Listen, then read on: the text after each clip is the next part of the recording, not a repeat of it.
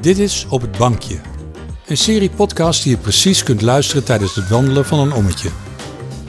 Samen met Benita Brouwer spreek ik mensen met een leidinggevende functie binnen het ministerie van Justitie en Veiligheid. Hoe vullen zij hun leiderschap in? Hoe gaan ze om met dilemma's? En hoe spelen ze in op ontwikkelingen in de samenleving? En ieder gesprek beginnen we met een wandeling en eindigen we op het bankje.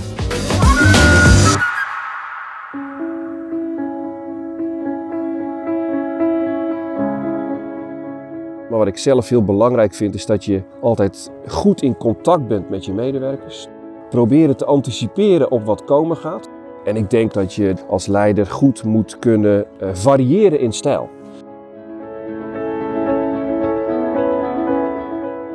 Hi, leuk dat je luistert. Vandaag spreken we Stefan van de Griend. Hij is directeur personeel en organisatie bij het ministerie van Justitie en Veiligheid. Hij was de opdrachtgever van het leiderschapstraject in de afgelopen jaren. En hij geeft zelf natuurlijk ook leiding. Ik ben benieuwd hoe hij dat dan zelf invult. En daar gaan we zeker meer over horen. Onze wandeling begint vandaag in het Zuidwendepark in Voorburg en eindigt op het bankje.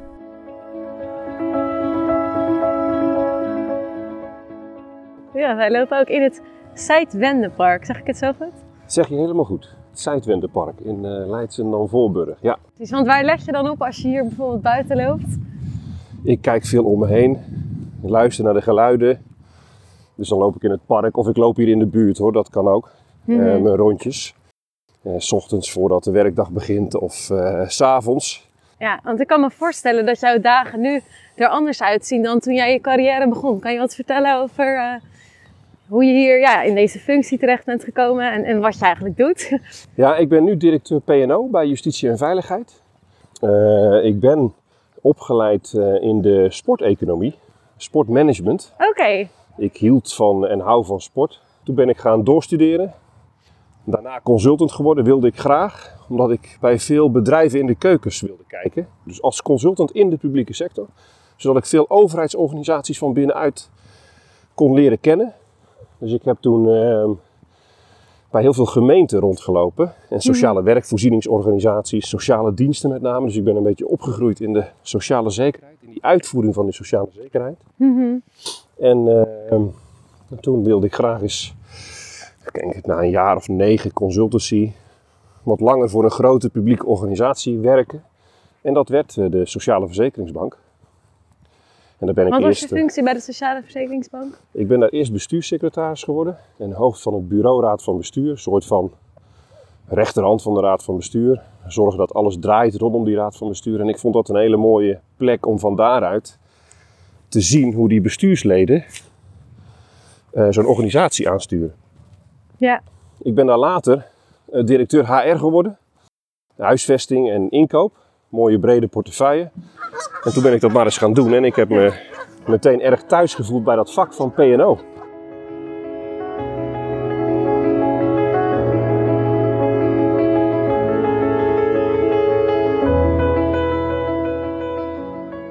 Want ja. dat, dat brengt me eigenlijk ook dan wel ja, bij je huidige functie ja, het leiderschap zit erin en niet PNO, maar wat, uh, ja, hoe merk je nou dat leiderschap ook in je huidige functie? Hoe zie je dat terug? Ja, op een paar manieren denk ik. Ik ben zelf verantwoordelijk voor een directie van iets meer dan 100 mensen. Dus ik ben leidinggevende van een hele groep mensen. Ik heb natuurlijk een MT met management onder me. Dus ik ben direct verantwoordelijk voor vijf managers. Uh, maar daaronder weer 100 man. Dus daar zit een directe verantwoordelijkheid als leidinggevende. Mm -hmm. En ik ben als directeur PNO verantwoordelijk voor het leiderschapsprogramma binnen justitie en veiligheid. Ja, een soort inception is dat dan.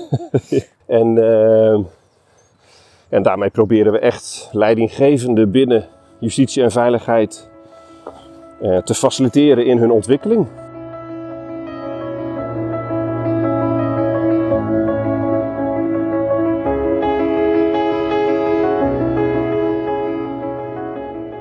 Wat dat... is de visie van justitie en veiligheid op leiderschap? Ja, we hebben natuurlijk het ABD-profiel. Dus het profiel van de Algemene Bestuursdienst, wat voor heel het Rijk geldt eigenlijk. Maar we hebben er wel nog een aantal dingen aan gekoppeld. eh, via het zogenaamde leiderschapskompas van justitie en veiligheid.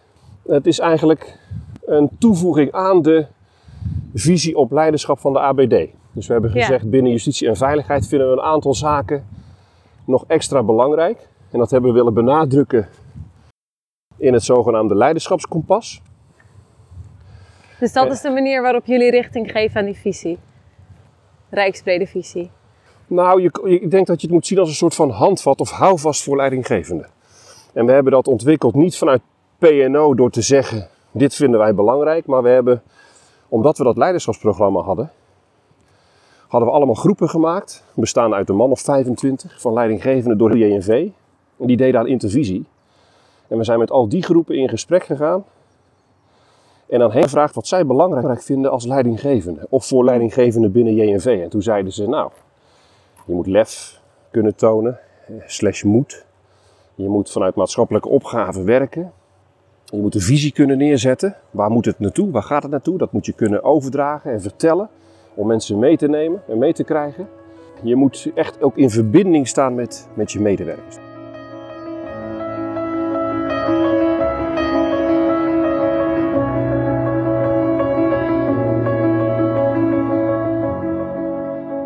Hoe geven zij invulling aan dat leiderschapskompas? Op de ene manier denk ik, omdat we zelf ook, ikzelf en mijn MT zijn natuurlijk ook leidinggevende, voor wie dat leiderschapskompas ook een handvat moet zijn eh, en is. En twee, nou ja, door zelf, laat ik het bij, op bij mezelf houden, zelf ook proberen goed uit te dragen waar vind ik nou dat het, of waar gaat, wat is de plek van justitie en veiligheid in de samenleving en hoe kan PNO daaraan bijdragen? Dat vind ik vanuit de maatschappelijke opgave HR benaderen, dus verbinden aan het primaire proces, heet dat dan zo mooi, van justitie en veiligheid. En daar proberen mee te verbinden als PNO. Eh, dat ook goed uitdragen aan je medewerkers. Wat is onze agenda dan? Waar werken we aan? Wat zijn de belangrijke grote P-thema's? Zoals strategische personeelsplanning, diversiteit en inclusie.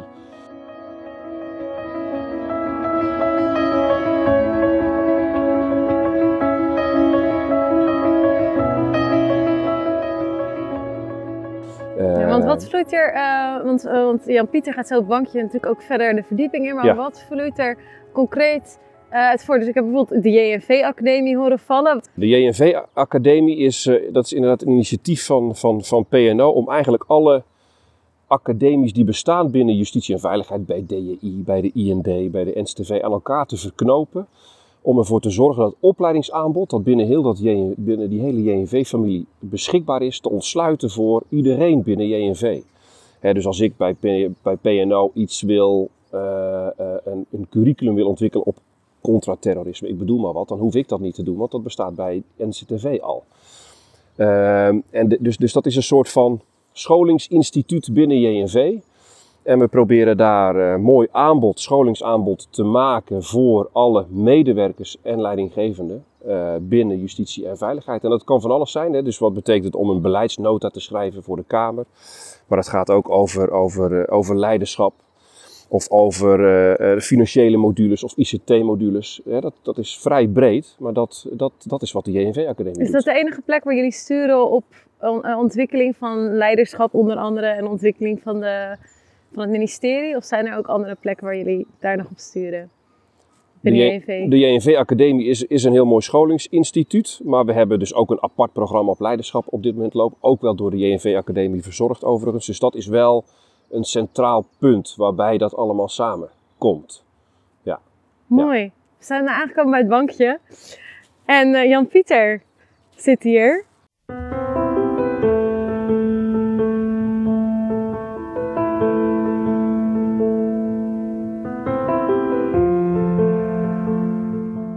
Stefan, hi. Je hebt even gesproken met eh, Benita over jouw carrière, jouw loopbaan, over de algemene invulling van leiderschap binnen JNV. En ik wilde met jou spreken over jouw persoonlijke invulling van jouw leiderschap. Dan gaan wij stilstaan bij de vier elementen van het kompas. Je hebt ze al genoemd. Voor welke beslissing heb je in het afgelopen jaar, of misschien twee jaar, eh, misschien ook nog pre-corona, voor jouw gevoel het meeste lef nodig gehad? Eh, ik ben 2,5 jaar geleden begonnen bij Justitie en Veiligheid op de directie eh, PNO. En eh, ik ben wel trots op wat we in die afgelopen 2,5 jaar hebben neergezet en onze toegevoegde waarde hebben laten zien voor justitie en veiligheid. Ook in die coronacrisis vorig jaar dan merkte je dat er heel veel P-vragen uh, kwamen. Hè, die verschilden van uh, mensen moesten thuis gaan werken. Wat betekent dat voor hun arbo-omstandigheden thuis? Maar ook wat doe je als, je, als iemand mogelijk besmet is, hoe handel je dan als leidinggevende? Dus er kwamen heel veel vragen op PNO af. Gewoon heel veel dingen hebben laten zien. We hebben de academie neergezet, we hebben managementconferenties georganiseerd tot op de dag van vandaag. We zijn echt met strategische personeelsplanning aan de slag gegaan. Met een thema als diversiteit en inclusie maken we nu heel veel werk van. Er is nog een hele lange weg te gaan overigens, maar dat, dat doen we echt de handschoen opgepakt. Dus we, ik denk echt dat we er veel meer weer toe doen als directie PNO. En, uh, en met die hele groep mensen die, uh, die, uh, aan wie ik leiding mag geven binnen de directie hebben we dat gedaan. En daar ben ik wel trots op.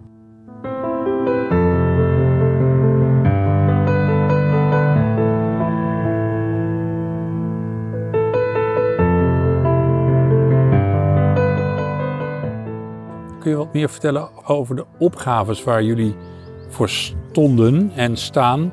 En misschien met name uh, jouw persoonlijke invulling. Waar sta jij nu voor? Uh, gisteren had ik toevallig, uh, s ochtends mocht ik even aansluiten bij een leidinggevende bijeenkomst en hun HR-mensen bij de dienst terugkeer en vertrek. En daar ging het ook over de combinatie van HR en de lijn. En hoe die goed kunnen samenwerken om hun resultaten te bereiken, hun maatschappelijke opgaven. En daar heb ik onder andere ook gesproken over de grote personele vraagstukken binnen de hele JNV-familie. Ik denk dat we daar beter in kunnen worden om die echt te adresseren, om die te agenderen. Die, die, hebben we nog, die spelen zich nog iets te veel af, naar mijn smaak, binnen de organisaties zelf. Maar de grote personele vraagstukken uh, de, en de invloed van technologie op bedrijven en wat dat gaat doen met mensen en medewerkers binnen organisaties, die moeten wij nog, vind ik, beter adresseren. Omdat je met zo'n grote groep bent, elkaar van kan, elkaars expertise kan benutten. En ook misschien tot afspraken kan komen. Stel nou dat binnen de ene organisatie door de invloed van technologie banen over een aantal jaar gaan verdwijnen.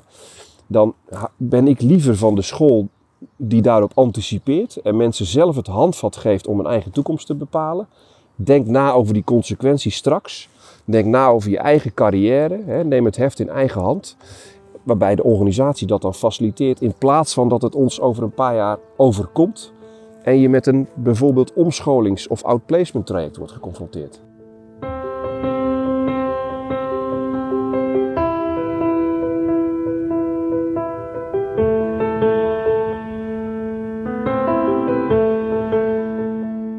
En je zei net iets, volgens mij, ik ben van de school van. Dat geeft een inkijkje in hoe jij er persoonlijk naar kijkt.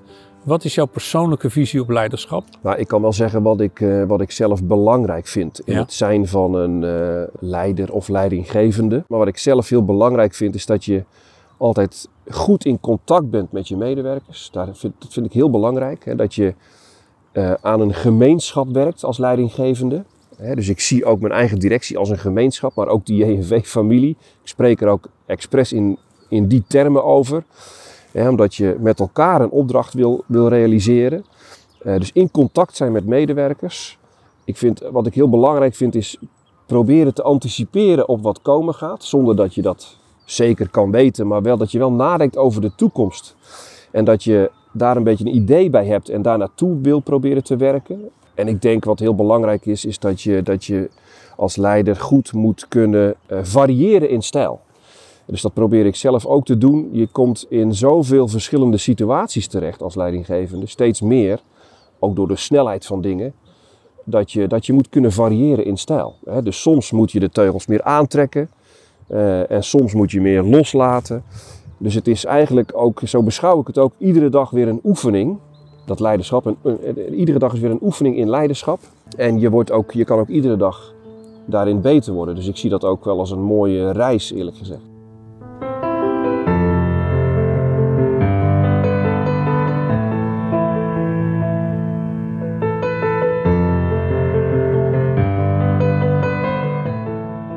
Jij zei iets over in contact met je medewerkers. Hoe doe je dat precies?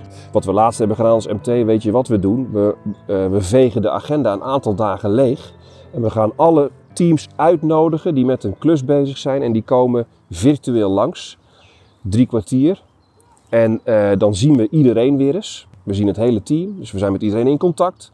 Ja. En we praten met elkaar over hoe het met ze gaat eh, in deze tijd. Maar ook hoe gaat het met het werk en wat heb je nodig van het MT. Dus dan heb je weer even digitaal weliswaar, maar live contact in plaats van via het papier. Hoe stimuleer jij de medewerkers om zichzelf te blijven ontwikkelen? Goeie vraag. Hoe stimuleer ik dat? Nou, het- ik vind, ik- door er altijd wel mee bezig te zijn.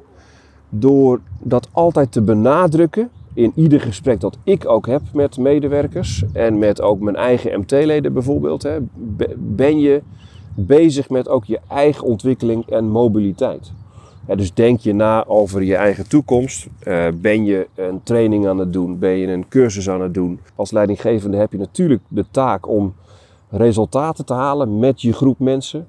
Maar ik vind dat je daarnaast nog een verantwoordelijkheid hebt als leidinggevende. Dus dat je altijd bezig moet zijn met, het, met de ontwikkeling van, ook van je medewerkers. En dat je dat moet stimuleren.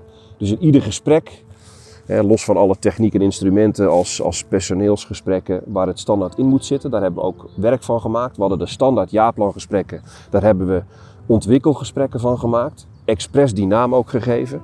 Zodat het ook altijd gaat over de ontwikkeling van medewerkers. En zelf begin ik daar ook altijd over.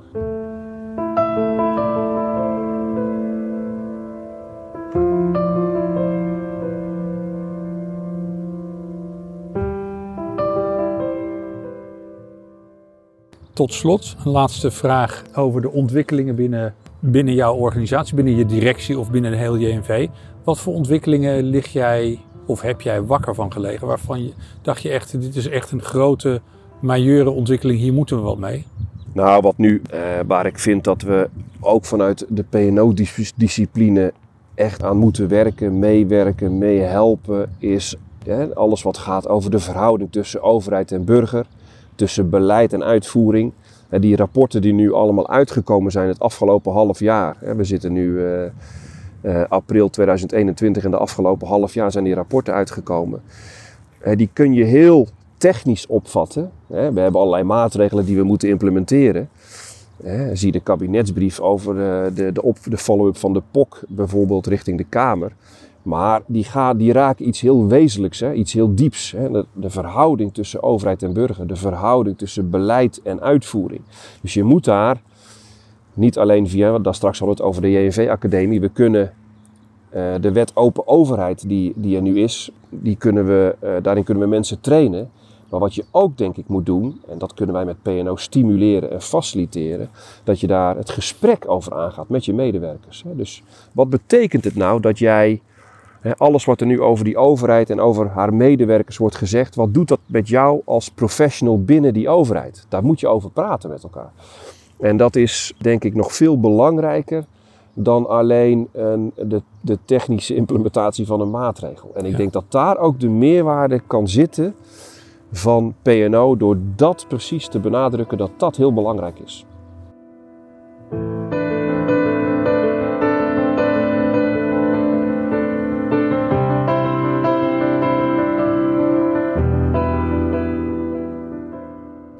Oké, dankjewel. Wij eh, maken een serie van vijf podcasts, zoals je weet, over leiderschap. En hierna krijgen we een volgende gast. Heb jij een vraag die jij je volgende gast zou willen voorleggen? in alle termen die voorbij komen over leiderschap, hè, er zijn er nogal wat, is denk ik toch waar het op aankomt. Hoe geef je daar nou persoonlijk invulling aan? Dat is eigenlijk de vraag die je mij ook stelde, Jan-Pieter. Maar dat is ook de vraag die ik aan de volgende gast zou willen stellen. Wat is voor jou persoonlijk leiderschap? Leuk dat je luisterde naar Op het Bankje. In deze eerste aflevering nam Stefan ons mee in het leiderschapskompas en zijn persoonlijke invulling van leiderschap. Dit is zijn vraag voor de gast van de volgende keer. Dat is ook de vraag die ik aan de volgende gast zou willen stellen.